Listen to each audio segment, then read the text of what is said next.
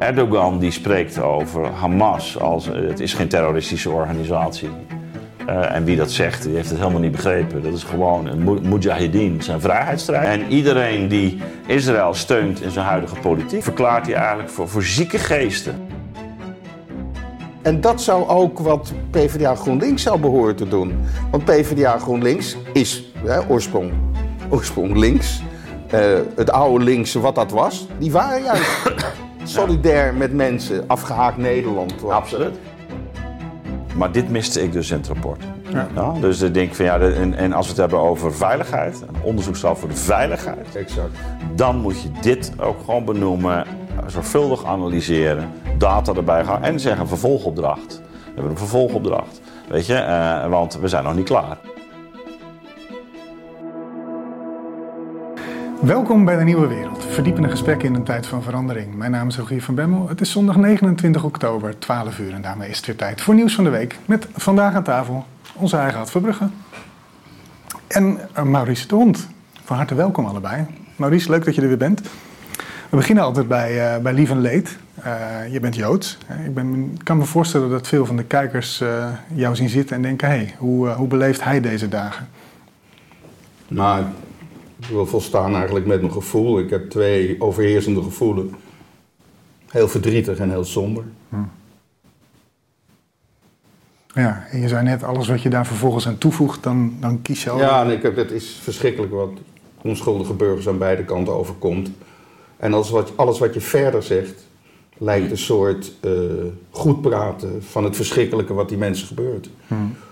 En daar kan je zo verschrikkelijk veel over zeggen, maar dat dan haal je eigenlijk de kern weg. Namelijk het verschrikkelijk wat die mensen overkomt. En dat wil ik eigenlijk ook niet doen. Ja, ja mooi. We gaan, we gaan zo meteen nog wel iets, uh, iets dieper in, ook op het conflict. Uh, uh, ook omdat het, ja, het is toch wel een deel van wat er nu gebeurt. Ehm, maar voor die tijd uh, beginnen we nog, gaan we toch nog even het rondje, het rondje afmaken, lieve leed. Want we hebben jou ook, vorige week was jij er niet. Ja. Dus um, um, Marlies en Jelle uh, waren met een gast. Ja. Maar jij was in het buitenland.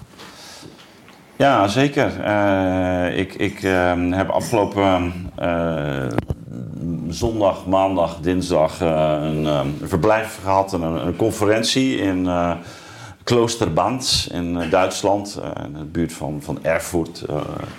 en um, het thema was wissenscommunicatie und Landessprache.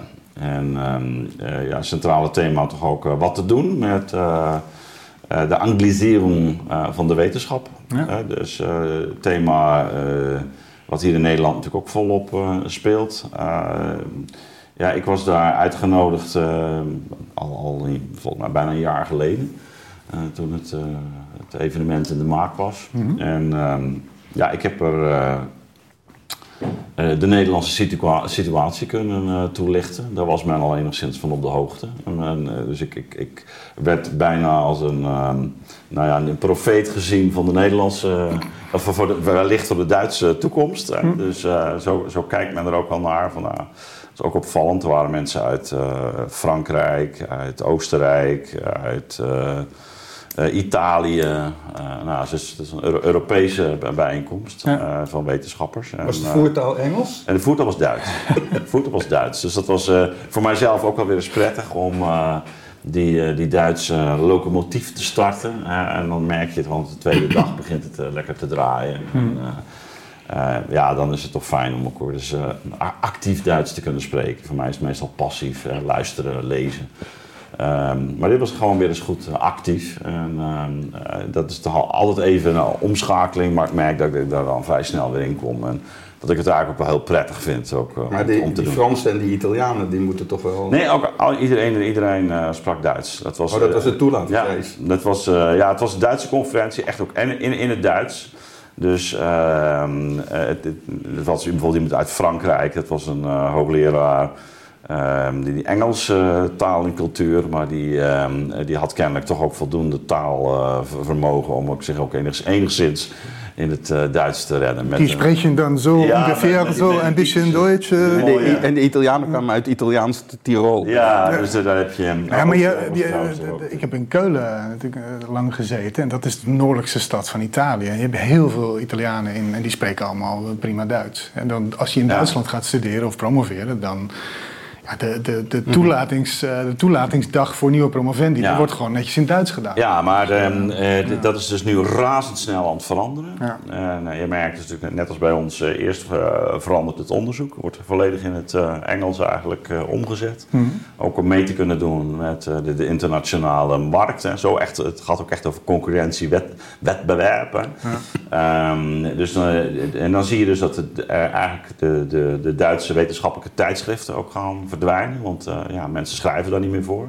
En dan is het dus de vraag, hoe sluit dus uh, onderzoek aan uh, op de lokale situatie? Nou, een heel belangrijk thema. Hè? Dus wat is, wat is de vertaalslag?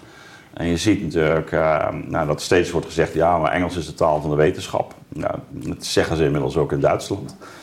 kun je nagaan met, van Heisenberg en, en, de grote Max Webers en uh, Einstein zelfs natuurlijk. Hmm. Uh, ja, dat men dat toch gewoon nu zo verkondigt. Hè? met, met die enorme wetenschapstraditie die ze hebben in, in Duitsland. Hmm. en de vele Nobelprijzenwinnaars. Ehm, ja, wordt nu gezegd, nee, maar dat is de, de, is de taal. En dat klopt natuurlijk wel, het is het proces van globalisering. Alleen het heeft ook een enorme weerslag op inderdaad businesscommunicatie. En, en wat, wat betekent dat voor het, het doorcijpelen van lokale uh, uh, nou ja, gegevens, ervaringen, situaties. Ook in, um, in de wetenschap zelf. Nou, zullen nou, veel mensen jouw standpunt op dat gebied wel kennen? Want je, hier, je, bent er, je bent echt een ja, activist zou je ook kunnen zeggen. Ja, zelfs op die conferentie. Dat, uh, dat vond ik al verbazingwekkend. Maar, uh, nou ja, als je naar de Nederlandse situatie kijkt, kom je al vrij snel bij Bonn en bij jou uit, denk ik. Heb, jij, heb jij iets gehoord op die conferentie wat, wat nieuw voor je? Een nieuw, een nieuw soort argument? Of nou, wat ik meer uh, verbaasd over was, nou niet verbaasd, maar toch treft het je. Dat die, al die argumenten die je hier 10, 15 jaar geleden hoorde, die, die worden daar ook opgevoerd. dus het is echt helemaal hetzelfde jargon. En ehm, ja, wij hebben ook natuurlijk als Beter Onderwijs Nederland en ik zelf maar ook, ook al jaren erin verdiept. En gewoon laten zien dat die argumenten niet steekhoudend zijn. Kijk, je, je moet meertaligheid promoten, maar niet, niet uh, uniformiteit. Hè. Meertaligheid is heel goed. Engels, Duits, Frans, in mijn geval veel aan Grieks. Um, en, maar dat, dat is, uh, en, en, en natuurlijk zul je die studenten deze dagen um, heel sterk ook dat Engels moeten bijbrengen, maar dat komt eigenlijk bijna al vanzelf in de moderne, in de moderne wereld. Maar um, ja, wat, wat, wat, wat mij opviel daar is, is het terugkeren van die argumenten, of dat, uh, die ik hier al heel lang heb gehoord. En ja, het, het, het onderschatten van wat de neven, uh, uh, ja, de bijwerking zijn. Ja, de, en um, ja, er zat ook een paar politici op de laatste ochtend. Ja, en dan merk je, die praten zo met meel in de mond. En, en gratuite argumenten, uh, die worden uh, gewisseld. En gewoon niet onderkennen van wat, wat de, ja, toch, toch, toch de, de, de, systeemdynamiek is als je dit gaat doen. Mhm. En wat dat betekent. Inderdaad ook voor de kennis, kennisuitwisseling, maar ook in het voortraject. Wat betekent het voor de scholing van je hoger opgeleide, uh, überhaupt uh, wat, wat, wat, doet het met je cultuur, uh, met literatuur? er worden geen leerboeken meer geschreven, vakterminologie gaat verdwijnen. Je krijgt nog een grotere kloof tussen hoger en lager opgeleiden, want die hoger opgeleiden gaan helemaal Engelstalig jargon spreken, wat niet toe gaat. Nou goed. Dus, en, en het grappige is ook natuurlijk die tegenargumenten, ja, die breng ik dan ook wel in. Ik heb, ik heb volop mijn, mijn zegje gedaan. En het eerste is al van ja. Uh, wat ik steeds moest benadrukken, uh, van ja jongens, uh, er wordt hier gewoon in één woord gesproken over wissenschaft. En, en vervolgens ga, gaan we zeggen, ja, en Engels is de taal van de wetenschap. Ik zeg maar, de meeste studenten gaan überhaupt de wetenschap niet in. En daar begint het al mee. Hmm. Die, die komen gewoon in de maatschappij te werken, met collega's, met, met, in, in een bedrijf waar, waar je dus ja, een, een goede taalbeheersing van, het, van het grootste belang is. Juist ook van de eigen taal. dus verzaak dat nu niet. Uh, mm -hmm. en dan is bildung is wat anders dan forschung. En, en, en voor Forschung kun je best zeggen, nou laten ze in ieder geval zorgen dat ze wetenschappelijk Engels goed beheersen. Tuurlijk, buiten staat buiten kijf. Ja. En God overigens ook voor, voor al die grote geleerden die we in de 20e eeuw hadden. En maar wat we nu doen is de massa binnenhalen. Uh, ook vaak de tweede garnituur. Mm die, die worden hier uh, vanuit alle, alle, landen in Europa en, en daarbuiten worden die binnengehaald. En, en de, de, de, vraag is wat, wat precies de meerwaarde ervan is. Hè? Wanneer al die instellingen dus op een gegeven moment uit hun voegen barsten, doordat de, de hele wereld daar komt studeren. Los van alle andere problemen die dat met zich meebrengt, rond huisvesting, betaalbaarheid van van, van kamers enzovoort. Maar wat betekent het voor het niveau ook? Wanneer je met die grote getallen aan de slag moet, eigenlijk zelf hun uh, weinig meer laat schrijven, omdat ze, daar, daar is geen ruimte meer voor. En uh, je hebt ook eigenlijk niet meer de expertise om het Engels te controleren. Dus er, er, ontstaat een soort ta taalverwaarlozing en een steeds onnauwkeuriger beheersing van die taal. Nou, dat, die, die thema's die zie je ook in Duitsland. En, en en ze waren heel blij nu ook uh, met uh, de, de, Nederlandse oplossing zoals die door Bond is voorgesteld. En eigenlijk ook inmiddels de dijkgraaf wordt overgenomen. Uh, dat wij zeggen, nou ja, maak, zorg, stel een limiet.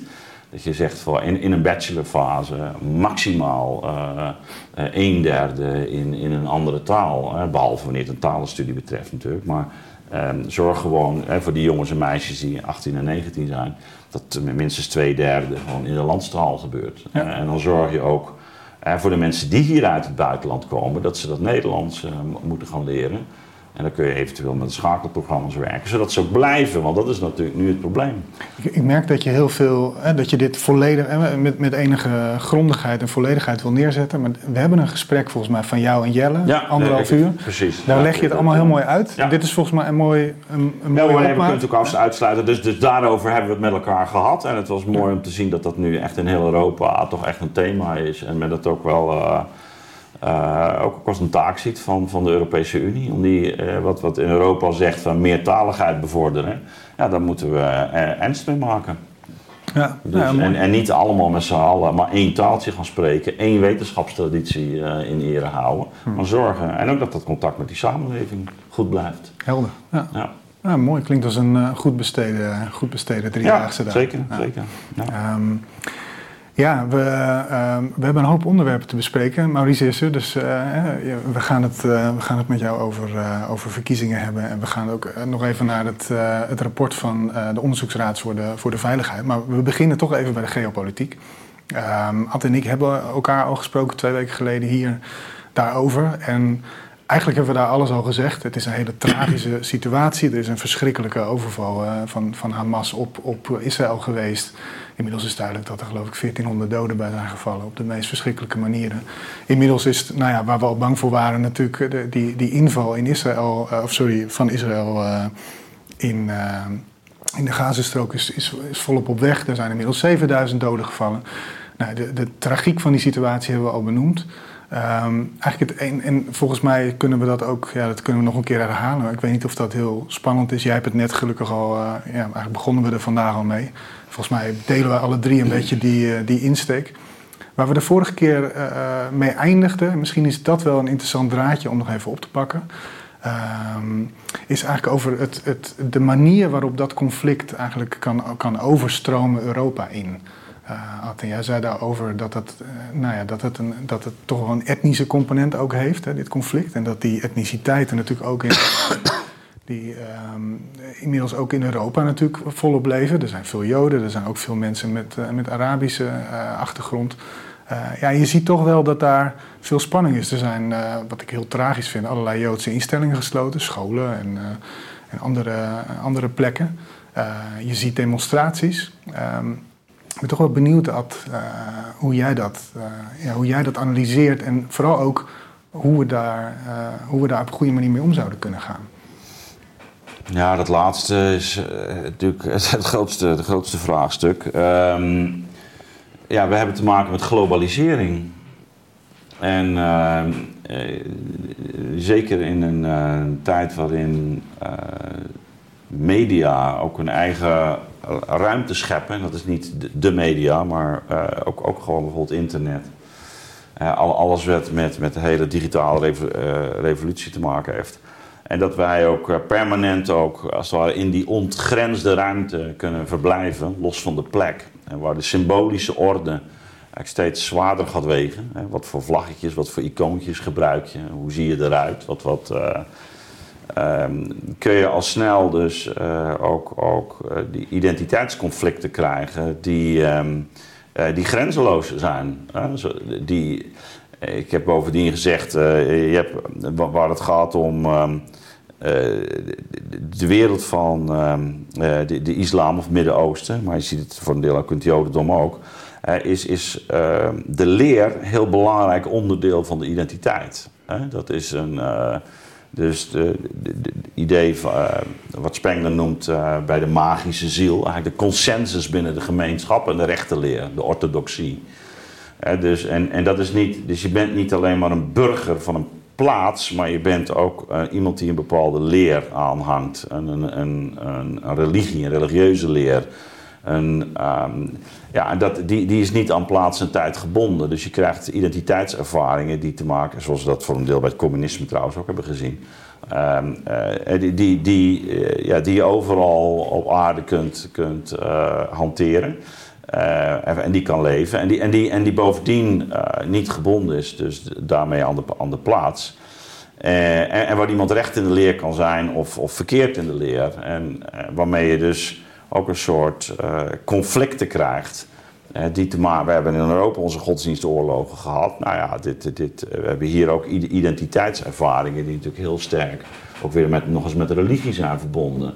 En daarmee uh, krijg je dus al tegenstanders op basis van, een basis van religieuze verschillen. Nou, dus, dus naast het etnisch-raciale speelt daar ook nog dus het, het, het, religieuze doorheen. En ja, religie gaat over de mensen, de zaken die. Uh, de ultimate concerns. Hè? En dus, dus wat mensen het diepste raakt en aangaat. En waar ze uh, voor een, in hoge mate hun identiteit aan ontlenen. Nou, en dan zie je dat dat conflict uh, tussen Joden en, en, Palestijnen. Ook, ook door die sterk religieuze dimensie die het heeft. En door die virtualisering eh, die daarbij komt, ja, ook, ook grenzeloos is. Dus, dus dat, dat, dat kan zich uh, op allerlei plaatsen gaan, gaan herhalen. En dus een idee van broederschap, wat niet gebonden is aan plek. Je zou zeggen, ja, als Nederlandse burgers laten we gewoon... Gelukkig zie je die initiatieven ook hè, in Nederland. Hè. Hmm. Laten, we, laten we daar uh, ook, ook, wel oog voor hebben. Ik ben ook wel benieuwd hoe, hoe Maurice daar naar kijkt. Maar uh, ja, je moet met elkaar gewoon ook op een plek, en juist ook op een plek, het leven vormgeven en het beste ervan maken. En maar, maar in, in deze uh, ja, dynamiek zie, je dat het vanzelf ook ja, ja, een, een, een, geglobaliseerd en gevirtualiseerd conflict is. Wat, wat wel degelijk op allerlei plekken dan terugkeert. Dus ja, laten we vooral hopen dat, um, dat we dat enigszins kunnen bezweren. Je vraagt hoe. Nou, daar heb ik niet meteen een antwoord op. Maar één ding is wel, we hebben gewoon gemeenschappelijke belangen in de straat, op een school, in de... En keer terug naar het feitelijke leven. Dat is altijd mijn pleidooi. Mm en, dat is de, en, en, dan heb je veel meer wat je deelt uh, dan wat je, wat, wat je kan verdelen. Mooi. Ja. Hoe, uh, hoe luister jij naar wat Ad zegt? Of hoe kijk jij naar... Nou, daar ben ik de hoofdlijnen mee eens. Alleen ik ben heel somber. Mm. Ik denk dat het mooi gezegd is, maar dat uh, de werkelijkheid ons steeds meer zal gaan inhalen. Nou, daar, ben ik ook bang voor. Hè, daar ben ik, uh, en daarom zei ik ook dat ik heel somber ben.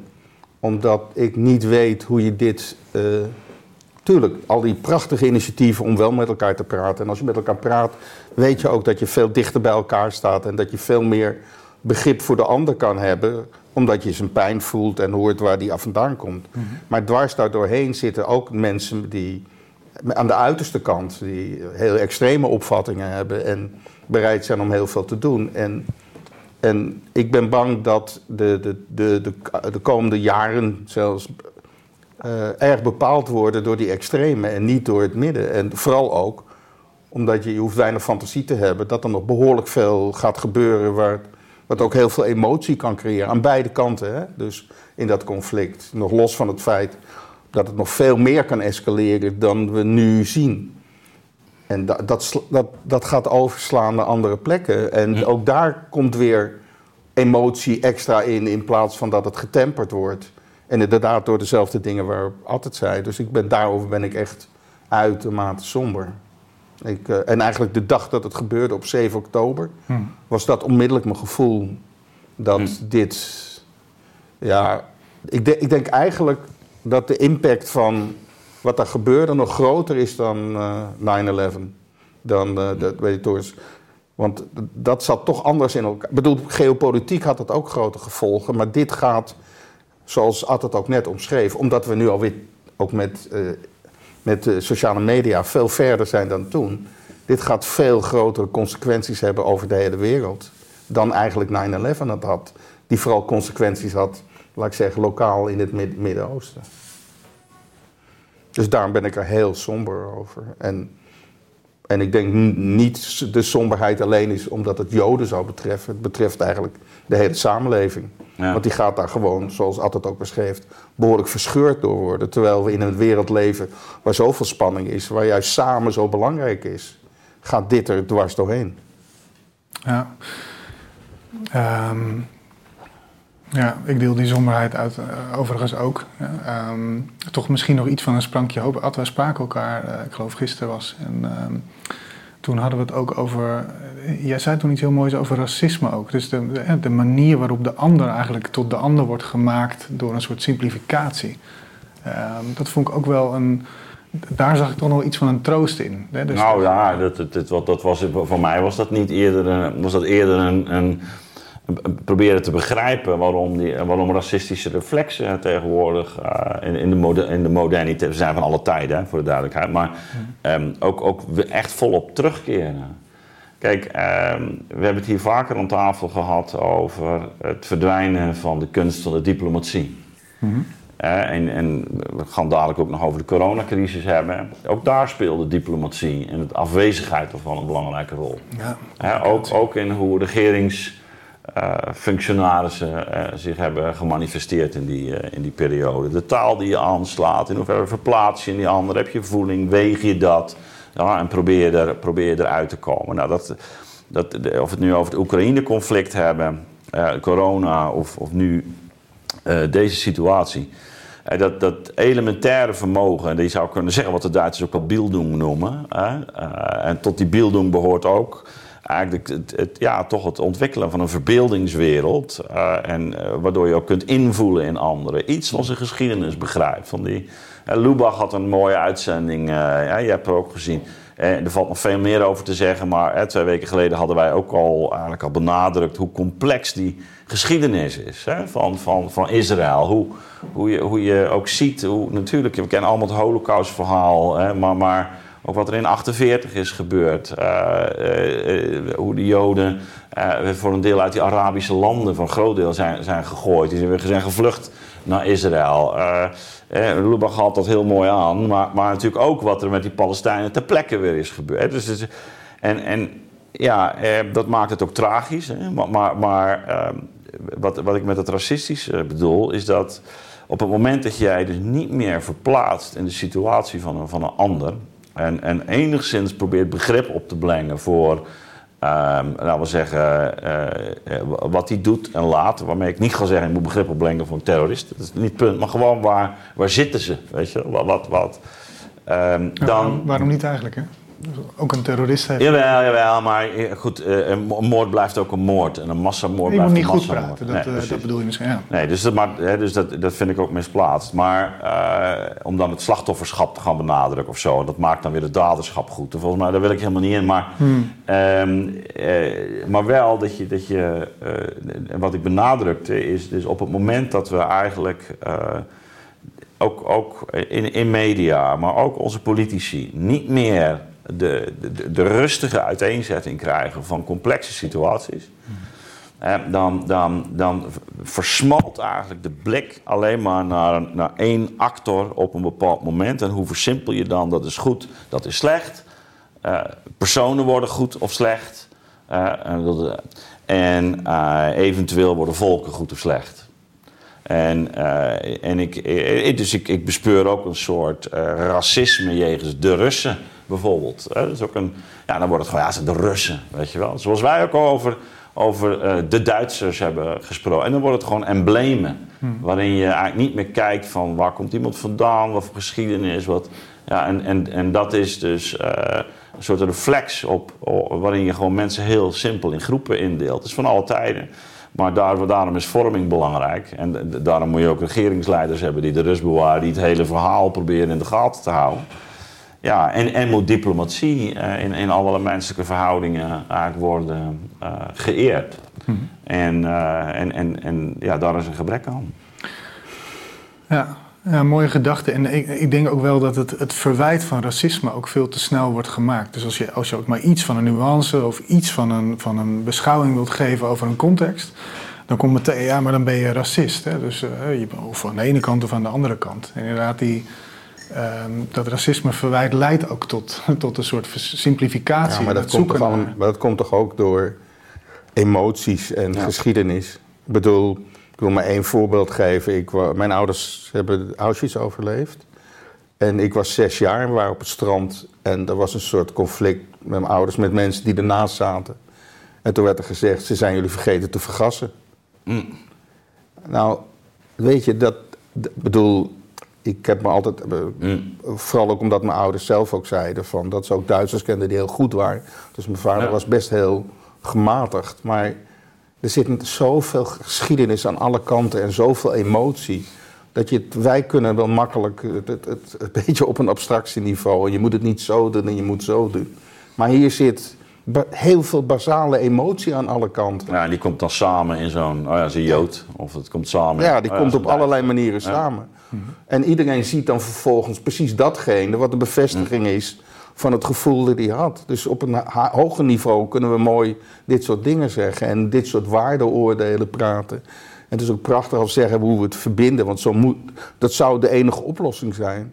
Maar er zijn te veel mensen die niet, er, niet meer de mentale ruimte hebben Ja. om die verbinding toe te laten. En we hebben niet meer gezagsdragers Ja. in onze samenleving die dat nog, dat was 50 jaar geleden nog wel, die dat wel konden bewerkstelligen. Omdat onze samenleving helemaal gefragmenteerd is.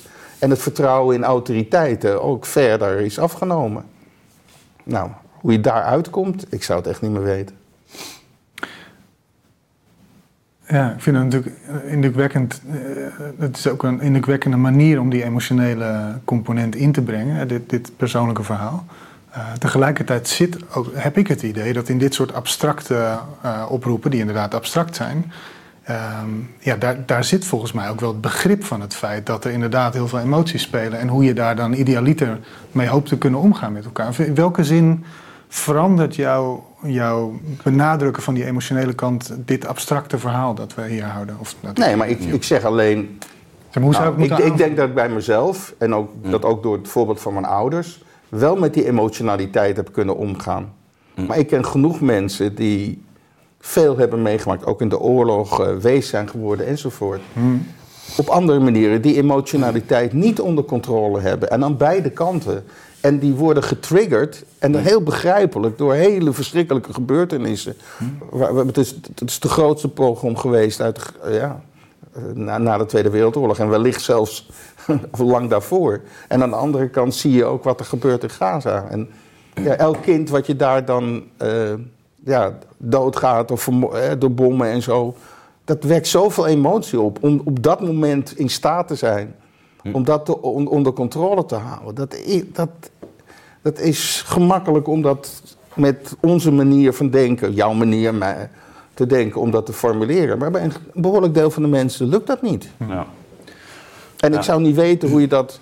En het, waar ik me dus ontzettend bang voor maak, dat er nog veel gebeurtenissen komen die dat, die emotie nog extra opwekken. En dat er dan ook dingen gebeuren in onze samenleving, waar ook nog veel extra emotie door wordt opgewekt. Niet alleen wat daar gebeurt, maar wat hier gebeurt. Tuurlijk, ja, we hebben ook onze geschiedenis. Hè, het, eh, met- Ja, maar, de maar dat- nee, niet eens op de geschiedenis van onszelf, maar ik bedoel, bedenk wel, ik bedoel, toen, ook in de jaren tachtig, toen ik mijn kinderen naar een Joodse school bracht, stond er altijd eh, bewaking. Ja. Ik organiseerde een voetbaltoernooi, een Joods voetbaltoernooi. 15 man bewaking. S'morgens om v- 7 uur werd over gekeken of er niet eh, iets lag aan. Ik bedoel, en daar, nogmaals, daar heb ik me altijd. Daar maak ik me lo- los van. Ik, en ik zeg niet dat is niet de verklaring of zo, maar aan alle kanten uh, zijn dat soort dingen. En heel veel mensen ja, is het heel moeilijk voor ze om dat, daar goed mee om te gaan. Hmm. En dat, ik, ben bang dat er nieuwe triggers gaan ontstaan. Daar, maar ook in onze eigen samenleving.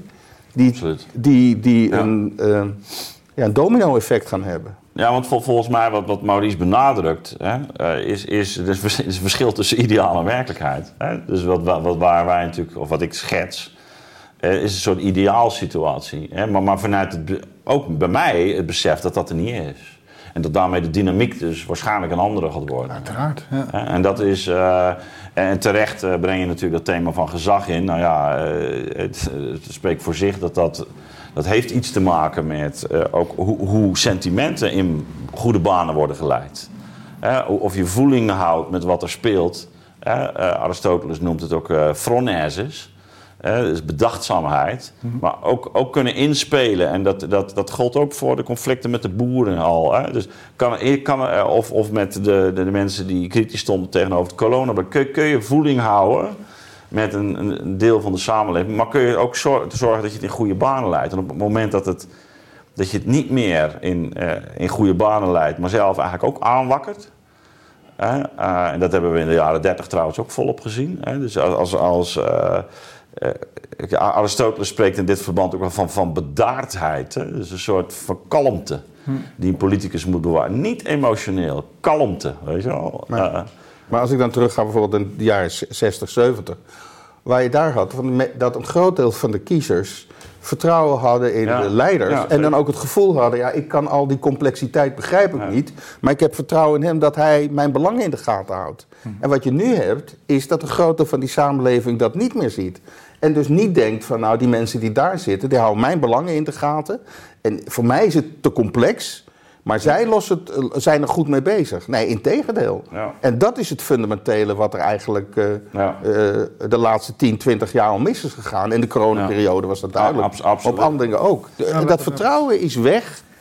En juist in een situatie waar we dat vertrouwen keihard nodig hebben, is het er niet meer. Nee. Ja, nou ja, Dat, is, dat is een deel van de gezagscrisis, hè, dit. En, en, uh, en dan zie je eigenlijk dat, de, dat de, de, ook de, de, op een bepaalde manier de, de balans juist naar de andere kant om, uh, omslaat. Uh, dus dat, dat de politicus zich juist heel erg gaat richten naar oh, wat is het sentiment in de samenleving. en zich daarop gaat, eigenlijk gaat afstemmen. Ja dus, dus wat we eigenlijk bij de coronacrisis ook hebben gezien, van dat er kwam protest uh, naar aanleiding van de eerste ma en, en, en, een regering die eigenlijk in een weekend een soort omslag maakt van nou, oké, we gaan dan toch maar, want ja, en ik begrijp het ook wel, maar dat is wel het gevaar waar we nu in zitten. Hè? Dus eh, wie, wie, wie, wie, wie bereidt de tijger? Hè? Want die massa, waar die sentimenten heersen. Ik zat net naar het, eh, een, een toespraak te kijken van Erdogan in Turkije. Af, gisteren, nou ja, het is nu zondag, maar het was donderdag is plaatsgevonden. Ja, het is nu vrijdag al ja, ja, ja, precies. Dus, zondag, uh, dat was uh, in de... maar, maar en, en hij spreekt daar parlement toe. Hm. en dat gebeurt echt in een felheid. en dat is ook voor een deel om tegemoet te komen aan die sentimenten die dan in Turkije leven. Hm. dat hij eigenlijk dat op, op pakt op een manier. Dat je, maar je moet het wel in goede banen leiden. En, en dat is overigens, nou, nou spring ik wel een klein beetje over. Dat is waar ik me op dit moment, misschien in het conflict, nog wel het meeste zorgen om maak. ik ben blij dat je die overstap maakt, want we wilden ook inderdaad die geopolitieke dimensie. Nou ja, wat gaat Turkije eh, doen? Nou, misschien is het toch wel een beter bruggetje niet naar de geopolitiek, maar naar de verkiezingen. Ja, Omdat hier allerlei componenten in zitten die heel erg die vertaalslagen hebben naar wat ik nu zie bij die eh, verkiezingen. Ja, die, gaan, die, gaan, die, gaan, die pakken we zo op. Dus ook inderdaad het, uh, de corona-aanpak, verkiezingen. Maar um, laten we nog even leven bij Israël blijven en dat nog uitdiepen. Ja, ja, ja, we hoeven niet Israël, maar, gewoon, maar die geopolitiek. Laat, laat, ik, ik wil er niet heel uitvoerig over zijn, maar ik zat wel deze week gewoon een en ander te volgen, te lezen en ook naar buitenlandse zenders te kijken. En, en ik vind dat echt een levens... Je hoort er, je hoort niet zoveel over, maar ik vind dat een levensgroot risico. Uh, echt levensgroot risico. Als Turkije dus de, uh, vanuit ook de, de ophef die daar bij de bevolking bestaat, nou, wanneer Israël echt zich te buiten zou gaan, hè, en die kans is natuurlijk toch groot wanneer ze ook nog de Gazastrook binnen zouden vallen. En nog even los van hoe dat militair strategisch, of dat wel reëel is. En, maar dat, daar, daar, daar zullen de burgerslachtoffers alleen maar van toenemen. Je merkt nu al dat de sentimenten enorm zijn opgelopen. dat is ook volgens mij waar Maurice aan refereert. En wat gebeurt er dan? En niet alleen bij ons, maar in de regio zelf. Uh, Israël had eigenlijk net, net uh, in, uh, met Saudi-Arabië, met Egypte, vrij goede verstandhouding. maar ja, die mensen zijn ook aangewezen op die massa's. en en wat, daar, wat daar los. Dus die, die de gezagsdragers of regeringsleiders. Um, en, en wat Turkije betreft is het natuurlijk het saillante detail. nou, het is geen detail, maar het is gewoon een lid van de NAVO. Hm. Uh, Erdogan die spreekt over Hamas als het is geen terroristische organisatie. Uh, en wie dat zegt, die heeft het helemaal niet begrepen. Dat is gewoon een mujahideen, zijn vrijheidsstrijders. Ja, het zijn de bevrijders van Gaza. Ja, dat, dat, zegt hij gewoon. En iedereen die Israël steunt in zijn huidige politiek, en ik, ik ben, hè, um, verklaart hij eigenlijk voor, voor zieke geesten. Kortom, dan, zaken, dan doet hij dat voor de bühne voor een deel. Hè. doet hij voor, voor de, voor ook, ook voor de bühne. Uh, maar, maar hij, is hij, is ook wel bij Iran en uh, in Qatar en de United Arab Emirates is hij op bezoek geweest deze week. Ja, hij zoekt daar coalities. Ja, en ondertussen liggen er ook nog wat kernkoppen van Amerika en Turkije. Ja, dus helemaal dus, voor de dus, bühne is het waarschijnlijk Overigens wat Trump al in de eindperiode zijn vraagtekens bij is dat wel verstandig. Nou, Um, dus daar, zit, daar is echt springstof. En, en als Turkije zou oprukken hè, om te zeggen: ja, we gaan de Palestijnen beschermen. Uh, en we gaan daar, ja, dan krijg je dus een krankzinnige situatie in de NAVO. Zie je dat gebeuren? Dat zij echt gaan optrekken? Nou ja, goed. Kijk, ze zitten even in Syrië. Dus, dus uh, zo, zo ver ligt het allemaal niet er vandaan. Hè? Dus ik kan zeggen, we willen nu Israël een halt toeroepen. En, en, ze, ze, erkennen wel ook, ook de staat en het bestaansrecht van Israël. Maar daarom, het, die sentimenten die zijn zo gevaarlijk op dit moment. En, en wanneer iemand, een regeringsleider, dus deze taal uitslaat, ja, dan maak ik me grote zorgen. Denk ik, ja, dit kan, dit kan hele gekke kant op gaan. Dus, uh, dus ja, ik deel dat met, met Maurice, van ja, dit is natuurlijk nog lang niet klaar.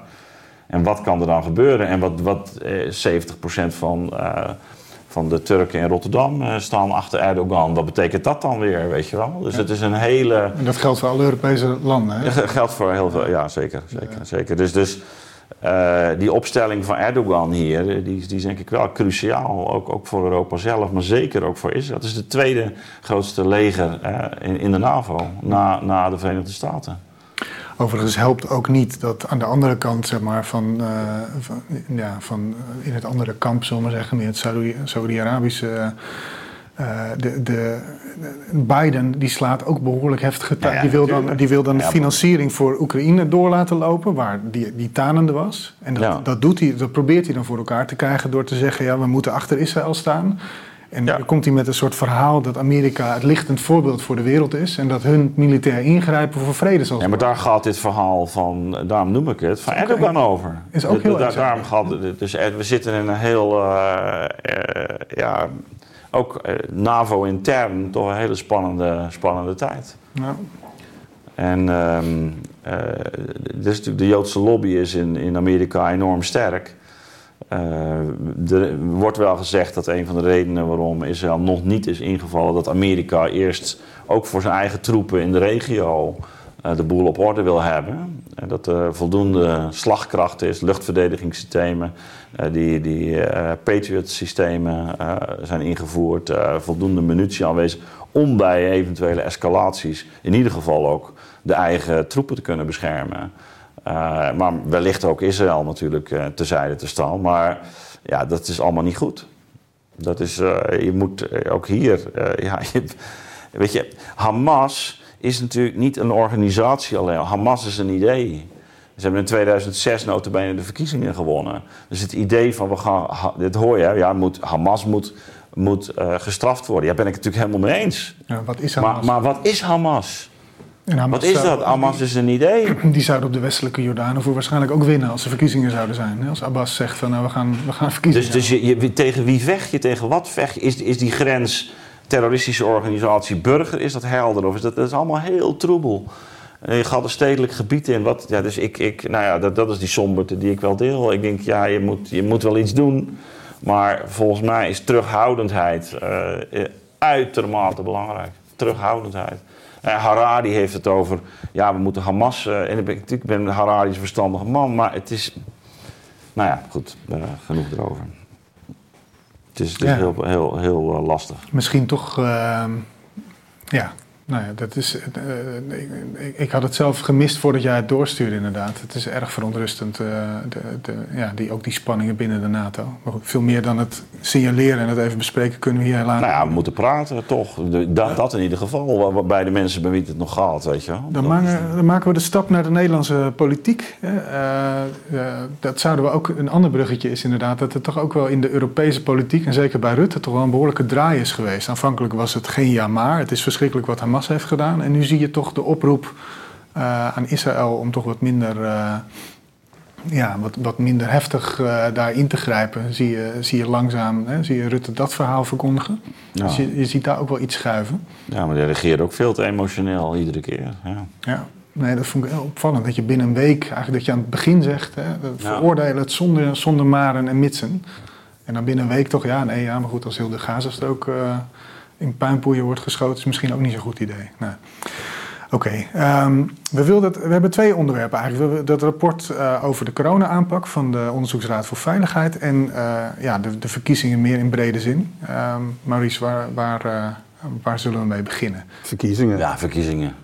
Laat Maurice maar eens even leeglopen. Ja, nee, we, die, hebben nu... Als ik net zo leegloop als Ad, dan hebben we geen tijd meer. Jawel, jawel jij mag een half uur leeglopen. nee, we, we, hebben nog ruim een half uur, dus dat komt helemaal... En bovendien vond ik jou... Uh, uh, je, je hebt misschien wat korter gesproken dan aantal op dit onderwerp, maar ik vond het toch heel waardevol. Dus ik, uh, ik, ik, ik uh, verweer me toch maar, tegen Maar die had al aangegeven, hè? Dus wat mij betreft hadden we dit ook op het einde kunnen doen, maar had al aangegeven van ik wil er liever niet te veel over zeggen. Ja, nee, het, onbegrijpelijk. begrijpelijk ook. Nee, maar ik vond het wel waardevol wat je erover zei. Ja. Maar goed, de verkiezingen. Ja, um, hoe zullen we... Nou ja, eigenlijk, er was namelijk een opmerking van Adnet waarbij um, over het ging over leiderschap en, enzovoort en media. Mm -hmm. En dat, dan maakte ik al meteen een verbinding met, uh, met de huidige verkiezingen, want er is iets heel bijzonders aan de hand. en eigenlijk was dat in 2002 ook.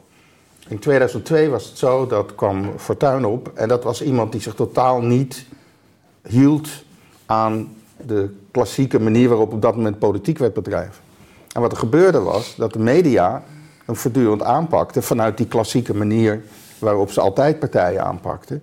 En ook helemaal niet door hadden dat de, hoe populair uh, Fortuyn was. Die haalde met een nieuwe partij in Rotterdam meteen een derde van de zetels in de, bij de gemeenteraadsverkiezingen. Mm -hmm.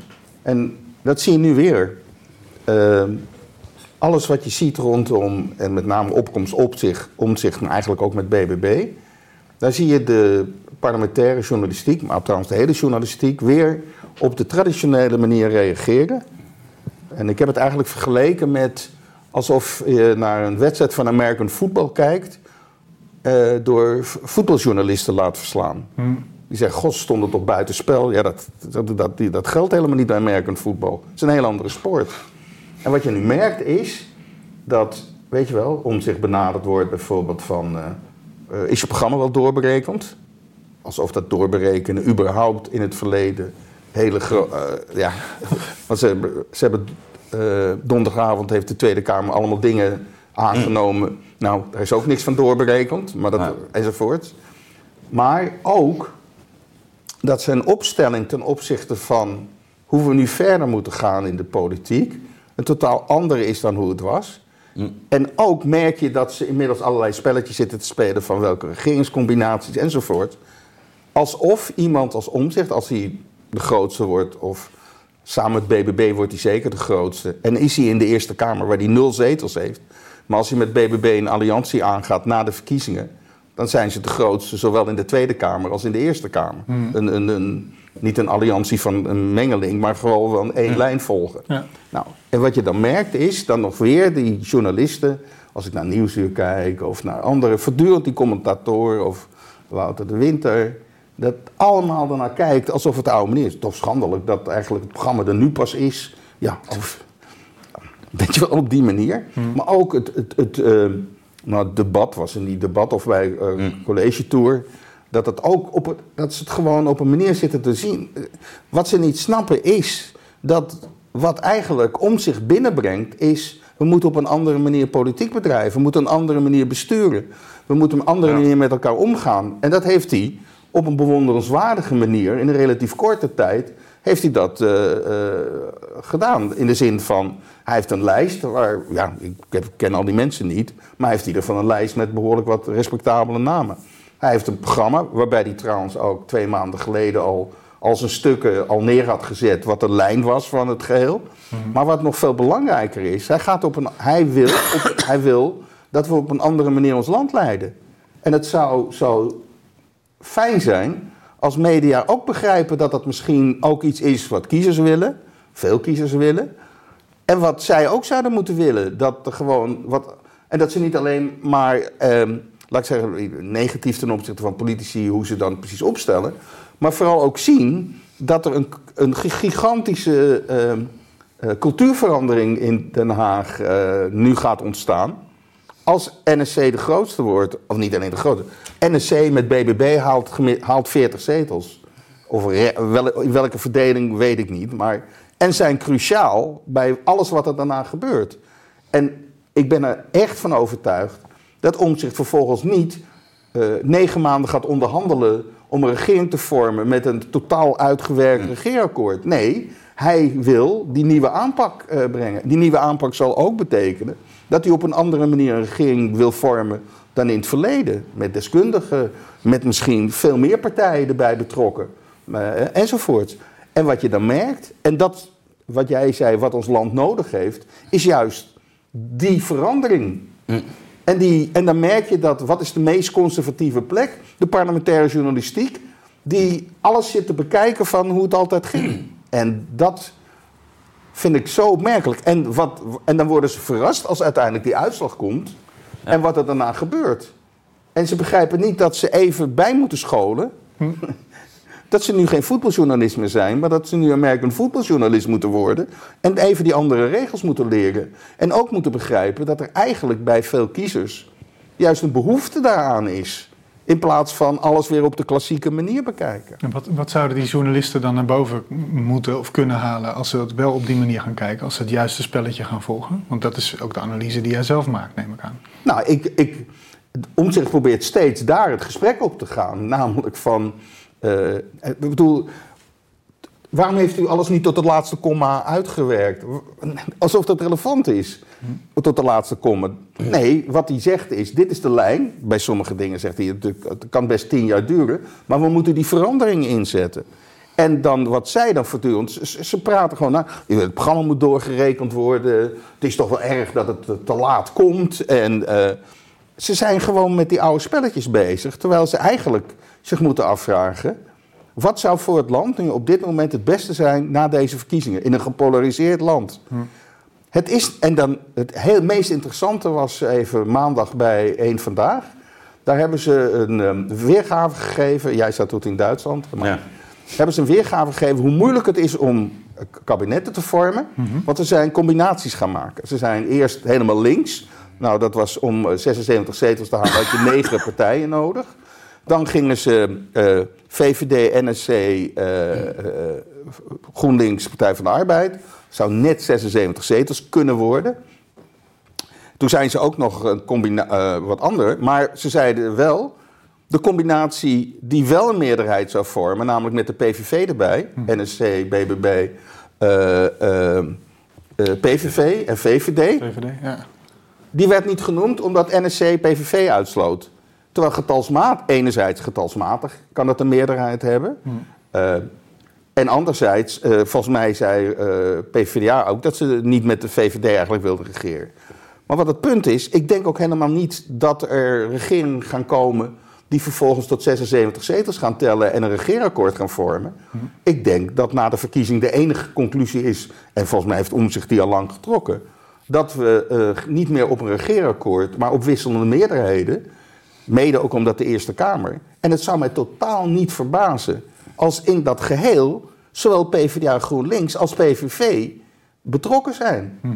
Om, als je maar met elkaar afspreekt, dat je niet met elkaar eens hoeft te zijn.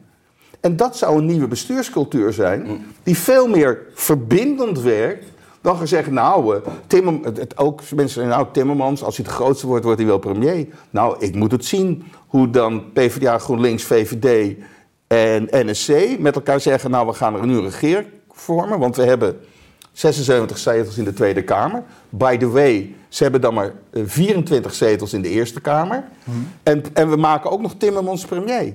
En dat dat nog überhaupt als een serieuze optie wordt gezien. De, dus waar je veel meer met elkaar nu al moet over praten. En ook met die politici moet praten. Hoe willen jullie de verbinding brengen? Hoe willen jullie het anders gaan doen na de, na de verkiezingen? Dan, dan nu weer in het klassieke uh, model worden gebracht. Mhm. En daar worden ze door de, door de journalisten ingebracht. Mhm. En als iemand zich daar, zoals omzicht er wat los van probeert te maken wordt hij daarop uh, aangevallen. Terwijl eigenlijk zij veel opener moeten zijn om te zeggen van... oké, die polarisatie in die samenleving... Hoe, hoe kan je, als je bij één vandaag uh, cijfercombinaties maakt... de combinatie met PVV dan wel uitsluiten? Los van het feit, uh, het, het, is misschien niet reëel enzovoort... maar je kan niet getals, getalsmatig is die combinatie te maken. Ja. Nou ja, en dat soort en dan denk je van, uh, ik, ik heb eigenlijk nog niks nieuws vanuit de media gehoord ten aanzien van, van uh, die veranderingen die eigenlijk gewoon broodnodig zijn. En je dwingt die politici ook niet om door te denken. Of je, je, je, je wijst ook niet de blinde vlekken aan in hun programma's of in hun ideeën of over hun manier van denken over die bestuurscultuur. Als je ze niet pusht om, om daar ook over na te denken en daar ook op te reflecteren. Ja, maar die vragen worden helemaal niet gesteld. Ze vragen weer de klassieke vragen. Die op, uh, en dat op dit moment, dat zijn eigenlijk niet meer de relevante vragen van dit moment. En dat waren er wel relevante vragen in het verleden. Nou, dan kan je nog wel zo vraagtekens af, maar oké. Maar ze zijn nog steeds met dat oude spelletje bezig. Ik vind het een mooie analyse. Ad, wat vind jij? Uh, heb jij ja, ik vind, hem, uh, ik vind hem heel sterk. Van uh, ja, prachtig, ook die vergelijking met het American football en ook de rol die media daarin spelen. Want die zijn natuurlijk een onderdeel, laten we zeggen, van de problematiek rond de bestuurscultuur. Hè? Die, die, die media die spelen voortdurend eigenlijk hun, hun, hun, eigen rol en hebben ook, creëren ook een eigen dynamiek. Ze zijn niet alleen maar verslagleggers. ze zijn onderdeel van, van wat er gaande is. Mm ja, ik heb, ik heb uh, gisteravond me toch, toch verdiept ook in het, uh, het verkiezingsprogramma. Van, ehm, ik, ik, kreeg ook vanuit de vereniging toch wat teleurgestelde berichten. Van, ja, het, het omzicht. Vereniging Bond Ja, Beter Onderwijs Nederland. Dus ja, ik ben helemaal voorzitter. Dus ja, nou goed, hij is wel tegen de, ehm, de, de, doorgeslagen verengelsingen, zoals wij dat plegen te noemen. En, en heeft natuurlijk ook, ik heb daar samen met hem ook wel over geschreven natuurlijk eh, voor de zomer of in de zomer. Ja. Ehm, nou ja, eh, ik, ik, dus ik, ik, ik, ik, hield mijn hart een beetje vast. Ik denk, maar ik was blij verrast. En dat heeft alles te maken met wat, wat Maurice zegt. Als je gewoon het eerste hoofdstuk leest, dan zie je dat, die, dat het, het gaat niet primair over de inhoud. Nou, dit en dat ga ik doen, zus en zus zo. Dit ons. Hij, hij, hij, hij wil een andere vorm van politiek bedrijven. En andere, inderdaad een ander soort bestuurs uh, cultuur en, en daarmee ook structuur. En, en doe wel degelijk structurele voorstellen. Dus ook, ook een andere rol van de overheid, eh, grondwettelijk hof enzovoort. Ook in de verhouding tot Europa. Hij wil het parlement gaan, gaan, gaan, hervormen. dus ook, ook veel meer die regio's gaan betrekken in dat parlement bijvoorbeeld. Nou, maar, maar dit zijn zomaar even een paar dingen die ik, die ik noem. Maar wat je merkt, en ik heb het nog niet helemaal uit, moet ik eerlijk bekennen. Dus, dus uh, het, was, het is toch een lijvig rapport. Ja, de journalisten kunnen ervan vinden wat ze willen. Maar je merkt dat er is hier zo over nagedacht hier uh, ook, ook dat idee van sociaal contract houdt hij vast. Hè? Wat, verwacht van de, wat verwachten van de overheid, maar wat verwachten wij van de burgers? Dus, het, ook, uh, dus het, gaat, het gaat niet alleen om uh, de politiek gaat dit doen. Nee, het is echt een plan voor Nederland. Hm. Dus ook van, van die burgers zelf eigenlijk een, wordt iets gevraagd. Um, en daar zit natuurlijk ook op termijn, denk ik, de Achilleshiel. dus dus die sociaal-culturele dynamiek je, je, kijk, eh, ten tijde van, van, van Abraham Kuyper in de 19e eeuw. Uh, kon je een deel van de bevolking als het ware zo eh, via een, een religie en, en uiteindelijk een zuil. ja, je zou kunnen zeggen sociaal-cultureel formeren. De vraag is of dat nu zo makkelijk is. Ja. Maar, maar um, ik geef hem weer terug. Die inzet is, is, is wel heel duidelijk en zit heel sterk zoals op, op die verandering. En dat, is, dat valt buiten wat de politiek tot dusver gedaan heeft. Dus, um, en en, en eh, het, het, past op een bepaalde manier ook dat niet alles wordt ingevuld. Want hij wil ook die, dat gesprek, dat debat en die Kamer een heel andere rol geven. Ja, maar in dat kader, kijk, juist als je het praat, een nieuw sociaal contract, vind ik het ook uitermate onverstandig als je dan ook daaraan koppelt, maar ik sluit de PVV uit. Want je sluit. Je kan, kan best zeggen... Is hij daar niet op teruggekomen? Nee, maar hij is ook, daarom zeg ik ook. Dat is hij toch? Ja, hij is ook terug. Wij, hebben ook al gezegd hier, van, dat moet je eigenlijk niet doen. Nee, maar waarom? Ik bedoel, Wilders heeft af en toe dingen gezegd, echt dan uh, ongelooflijk. Dat knijp je ja. maar van dicht. Maar wat je wel hebt is, laat ik zeggen, haal 20 zetels. Dat zijn toch anderhalf miljoen mensen. Ja, precies. En dat betekent dat je niet alleen hem uitsluit, maar die mensen uitsluit. Dus als je zegt nieuw sociaal contract en je gaat juist die categorie uitsluiten. Voorhand. Op voorhand, dan doe je ongeveer het meest onverstandige. Ja. En dat is eigenlijk, en dat zou ook wat PvdA GroenLinks zou behoren te doen. Want PvdA GroenLinks is hè, oorsprong, oorsprong links. Uh, het oude linkse wat dat was, die waren juist solidair met mensen, afgehaakt Nederland. Absoluut. Die waren daar solidair mee. Betekent niet dat al je denkbeelden die die mensen hebben, dat je meteen die moet omarmen. Maar juist als je in communiceert met elkaar, dat merk ik ook, want ik, gelukkig dat doe ik dat wel. Uh, dan merk je dat die mensen ook, als opvattingen zouden hebben waar jij helemaal niet achter staat, als je met ze in gesprek raakt, kom je veel dichter bij elkaar. En blijken zij laat ik zeggen, de, hun uitwerking van ik wil dat dat gebeurt, komt eigenlijk omdat er in de kern een andere probleem is. En, en als je alleen die uitwerking gaat zeggen, van dat, dat die aanvalt, negeer je wat, het, wat de kern van het probleem is. Dus als er één plek is waar een nieuw sociaal contract zich uh, op zou moeten richten, is juist die groep afgehaakt Nederland. Absoluut. En het interessante is dat een meerderheid, dat liet uh, uh, Grijs Rademakers zien, die had gevraagd allerlei combinaties uh, aan de kiezers van partijen. Welke combinaties ze willen of niet willen. Mm -hmm. Het bleek dat de combinatie uh, met PVV ook door de NSC-aanhang uh, meer werd gewaardeerd dan een combinatie met PvdA GroenLinks. Ja. Maar ik zou heel erg ervoor zijn, juist door, de, door de, de, de, de samenleving waar we nu zitten, van de problematiek die we nu hebben, dat we over de hele breedte mensen erbij betrekken. Ja. En dat we niet, uh, niet uitsluiten, en ook niet bij een bestuurscultuur.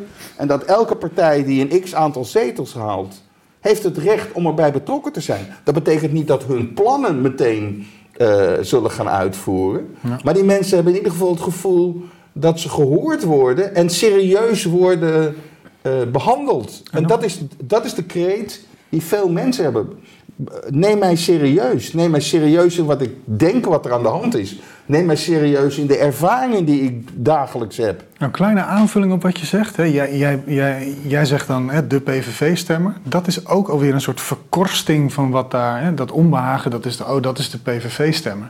Maar nou, dat zijn gewoon mensen. En, en Wilders is ook gewoon een mens. En al die mensen die in zijn partij zitten. En daar kun je mee praten. En dan kun je zeggen, nou, we gaan toch samenwerken. We hebben het erover gehad we denken toch iets anders over wat de islam is. Uh, maar we hebben besloten dat we op die en die manier volgens ons uh, maatregelen kunnen nemen. Hè, die aan die, die uh, intuïties tegemoet komen. En die onze opvatting over moslims niet te veel tegen de haren instrijken. En we gaan het zo en zo doen met elkaar. En dan. dan ja, dus alleen als. trouwens zelfs voor Forum voor Democratie aan. Ook daar. Absoluut. Ik vind voor elke aanhang. Dat je, wordt niet geboren hè, als een forum aanhanger. Je wordt geboren als een weldenkend mens. En, uh, en op een gegeven moment denk je, nou ja, ik vind toch wel wat Thierry zegt. Is, dat, het is altijd heel makkelijk om op, op, standpunten die je eigenlijk zelf ook belachelijk vindt, om daar meteen de hele boel mee te disqualificeren. Het is het te gemakzuchtig.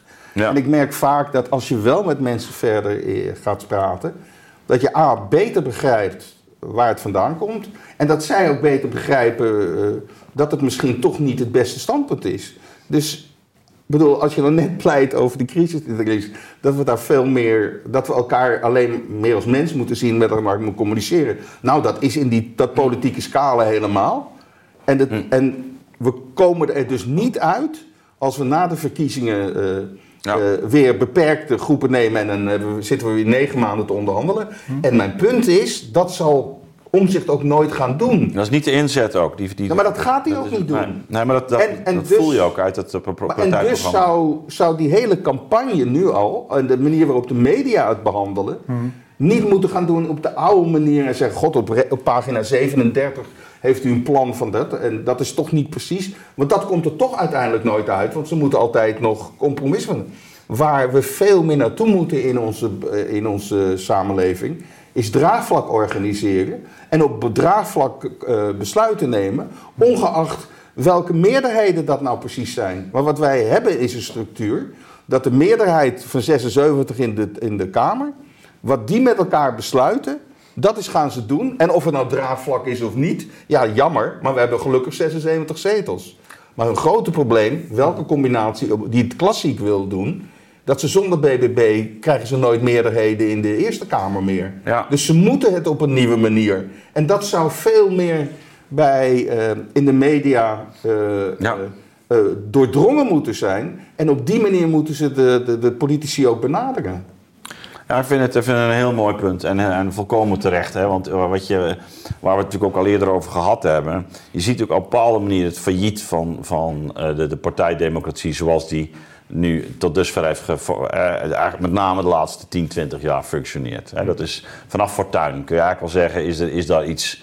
Eh, en misschien nog, moeten we wel verder teruggaan. Hè? Nee, Nou, maar- vanuit afbraak, afbraak van de, Ja, twee, van de, van de- twee grote partijen. Ja. Dus, dus, dus eh, en, en we zitten nu eigenlijk in een situatie waar het eh, eh, bijkans onbestuurbaar begint te worden. Dus je moet het, moet het anders gaan doen.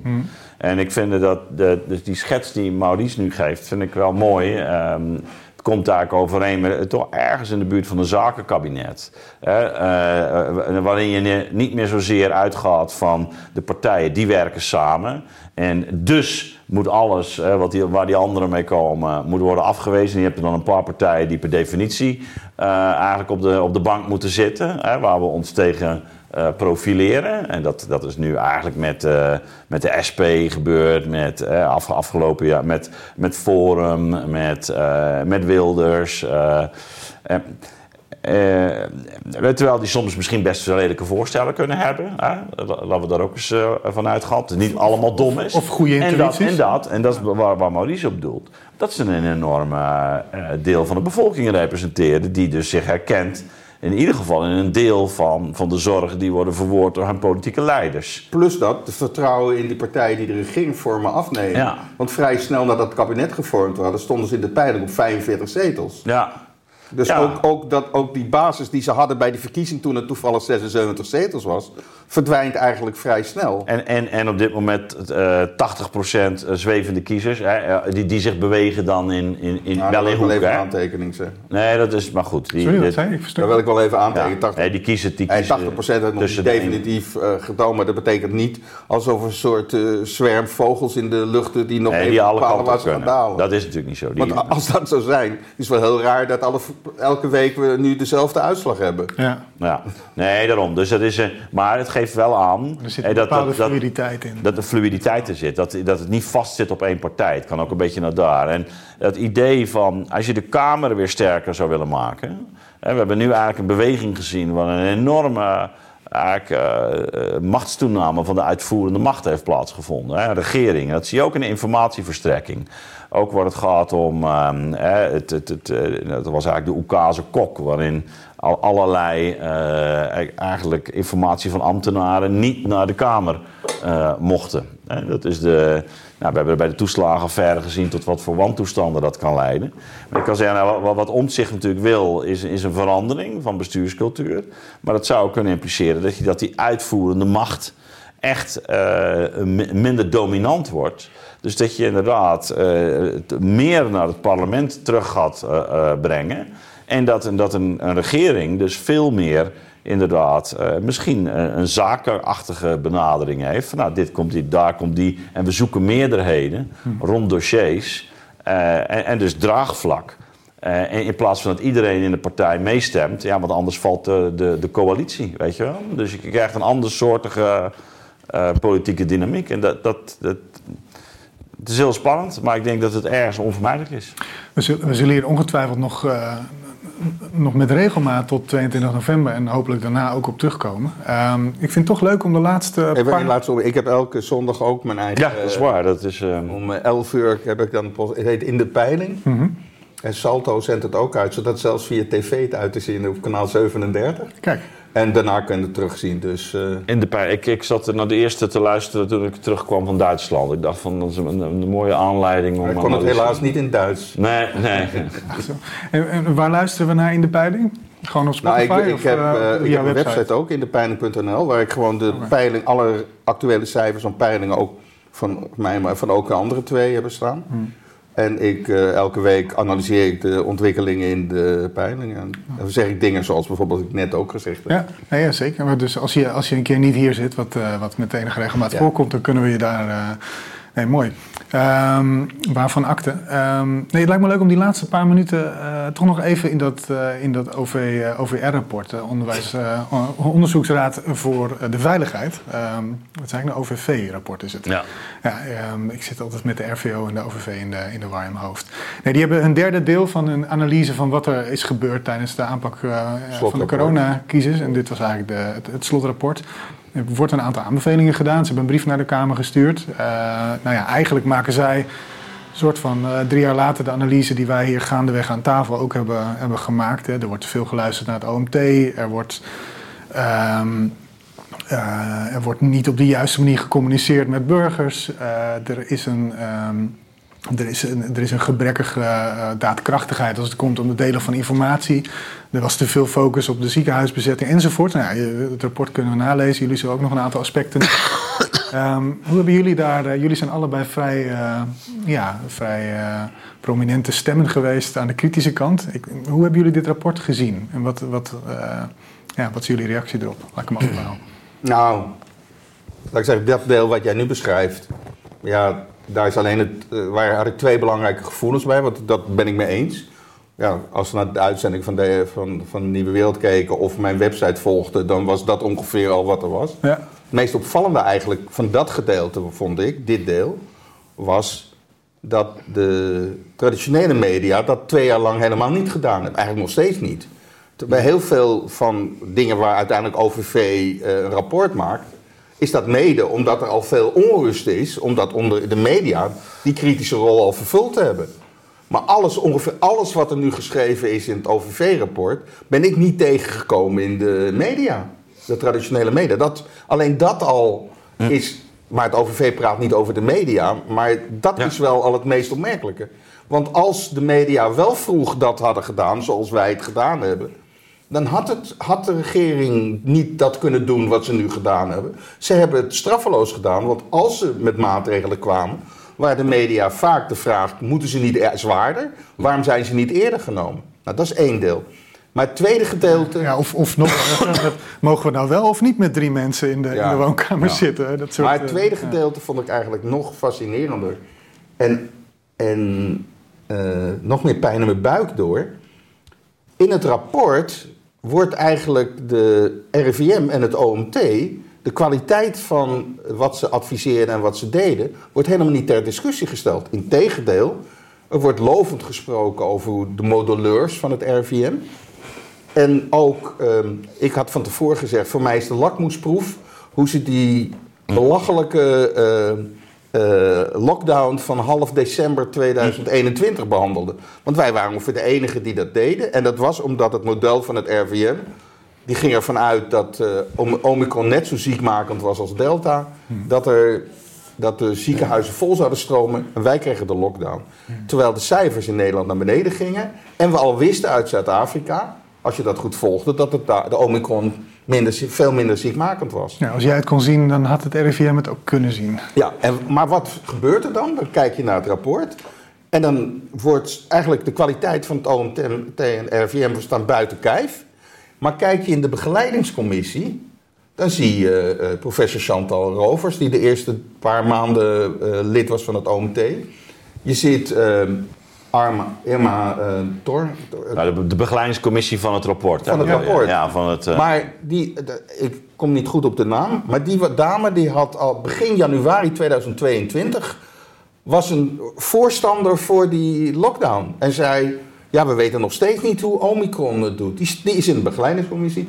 En professor Willy Spaan, die, nou, als je daar zijn tweets had gevolgd de laatste drie jaar... die was gewoon uh, uh, voorzitter van de supportersvereniging van het RVM. Die ook nog in de raad van toezicht van het RVM zit. Dat is de begeleidingscommissie. En dus dat gedeelte vind ik verbijsterend. Want juist als je zegt, de regering heeft veel te veel naar het OMT en het RVM geluisterd. Dan zou je ook kunnen zeggen, en wat was nou de kwaliteit van de advies, aanbeveling? Ik heb even gezocht op het woord ventilatie hmm. in het rapport. Dat staat er acht keer in en alleen in relatie tot scholen. Maar voor de rest helemaal niet. Maar eigenlijk een klap op de vuurpijl was uh, uh, vrijdagochtend het commentaar van de Volkskrant.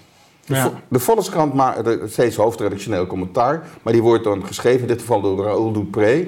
Maar ik las gewoon Maarten Keulemans. En eigenlijk de kern was dat eigenlijk deze periode rondom in de aanloop van die, uh, die, lockdown? die, lockdown?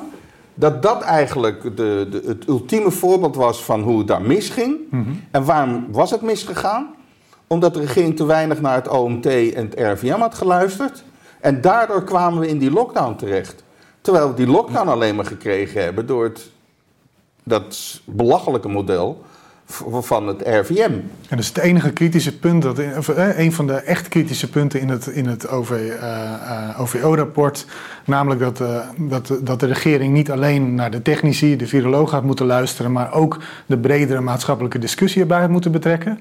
Daarop reageert Maarten Keulemans, de, reageert met, ja, ja nee, maar als we nou eerder hadden geluisterd naar wat het OMT Dan hadden we ook die lockdown misschien niet gehad. Ja. Terwijl die lockdown, dat staat ook in het rapport het, het, advies, dat beschreef ik.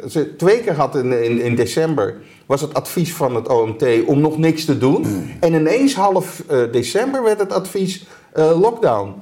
Ik zou onmiddellijk gevraagd hebben: hoe kan het nou, wat is er nou precies gebeurd en hoe kijk je erop terug enzovoort. Mm. Nee, de Volkskrant schrijft dus dat ze meer naar het OMT en zo moeten luisteren. Maar wat ze eigenlijk uh, deden was ze, ze kunnen zich daardoor ontlopen van de, aan die kritiek van... wat hebben wij eigenlijk zelf in die mm. twee jaar gedaan mm. aan kritiek? Nee, zij, bedoel, dat heb ik steeds gezegd... Het, het, het was, dit commentaar is bijna door Jaap van Dissel geschreven... in plaats van uh, de Volkskrant. Ja, ja en de, de, ik vond dat de ultieme mm. bewijs van hoe, hoe de media tijdens deze coronacrisis hun taak niet hebben opgepakt en daardoor kon het OVV zo kritisch zijn op de regering, omdat de regering nooit door, door hm. media is uh, min of meer gepusht om dat te doen wat het OVV hm. nu adviseert. Ja, beter communiceren, afwegingen delen, laten zien wat je niet weet en waarom je die afwegingen toch maakt.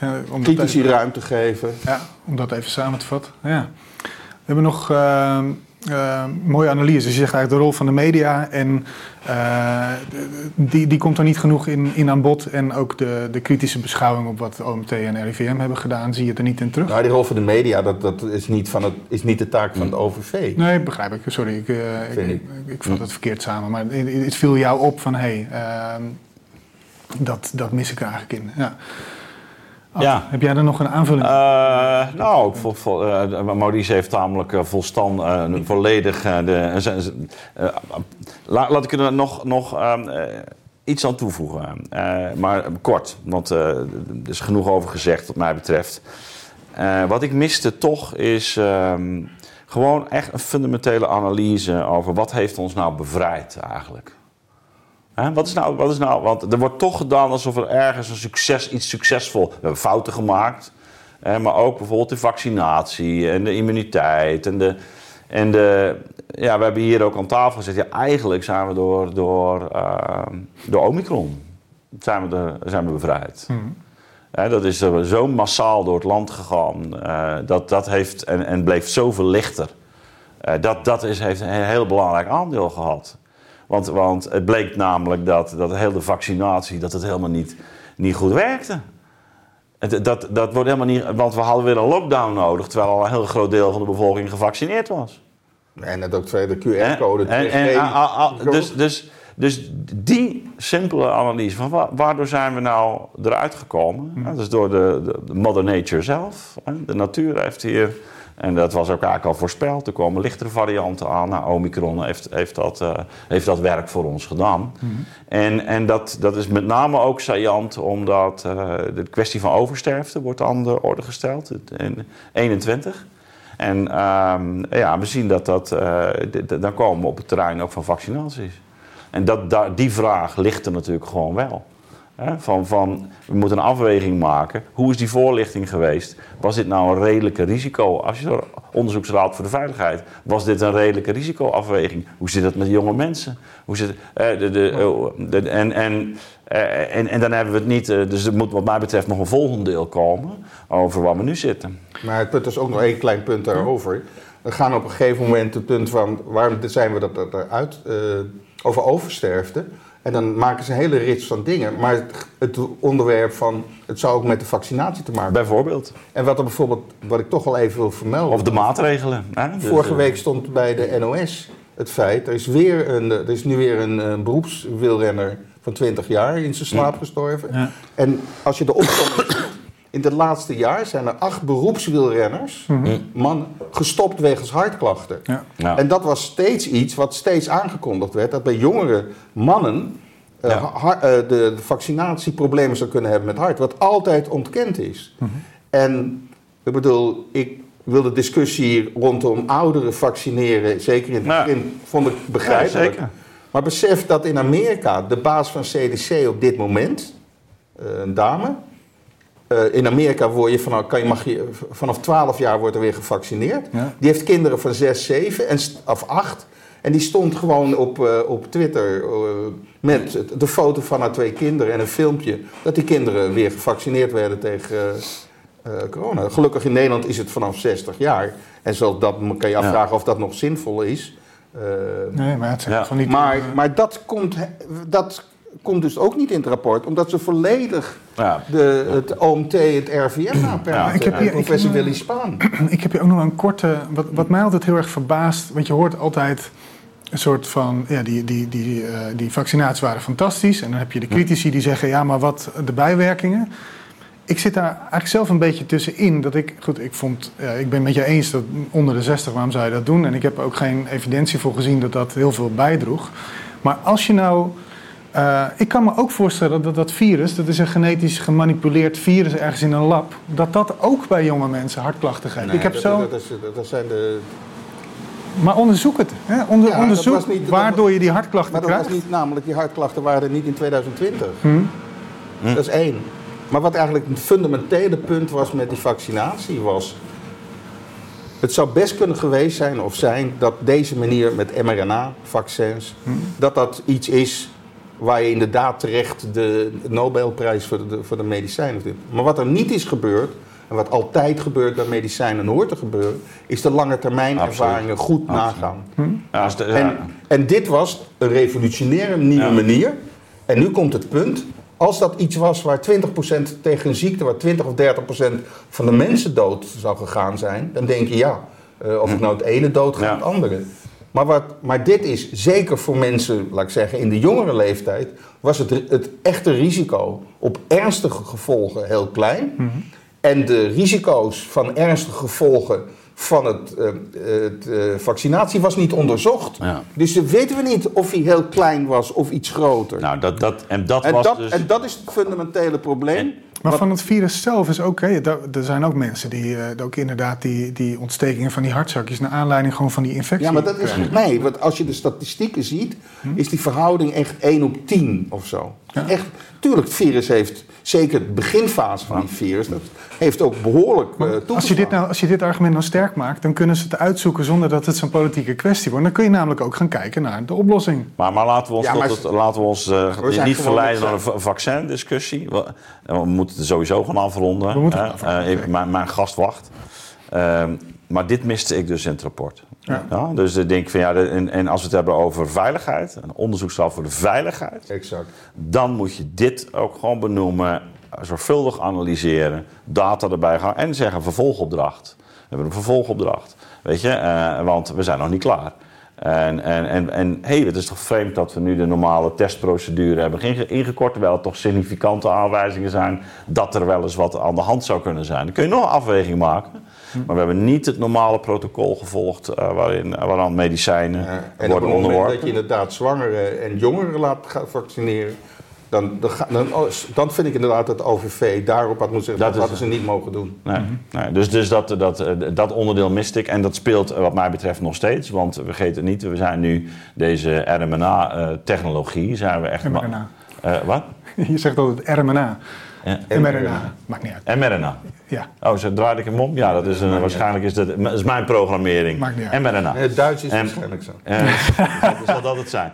Eh, maar, maar zal precies die. ehm, eh, eh, dus dit, Die dit, gaan ze ook toepassen op dit, anderen. dit, dit wordt uitgerold, hè? dus deze nieuwe technologie. Ja, en en daarom, daarom is het zaak eh, ja, dat, je, dat je daar gewoon vo- volwaardig gewoon wetenschappelijk onderzoek naar de veiligheid doet. Mooi, mooie aanvulling. Dus drie, drie mooie observaties eh, rondom, eh, rondom dat, eh, dat rapport. En dus eigenlijk in extenso over hoe er omgegaan is met die, met die pandemie.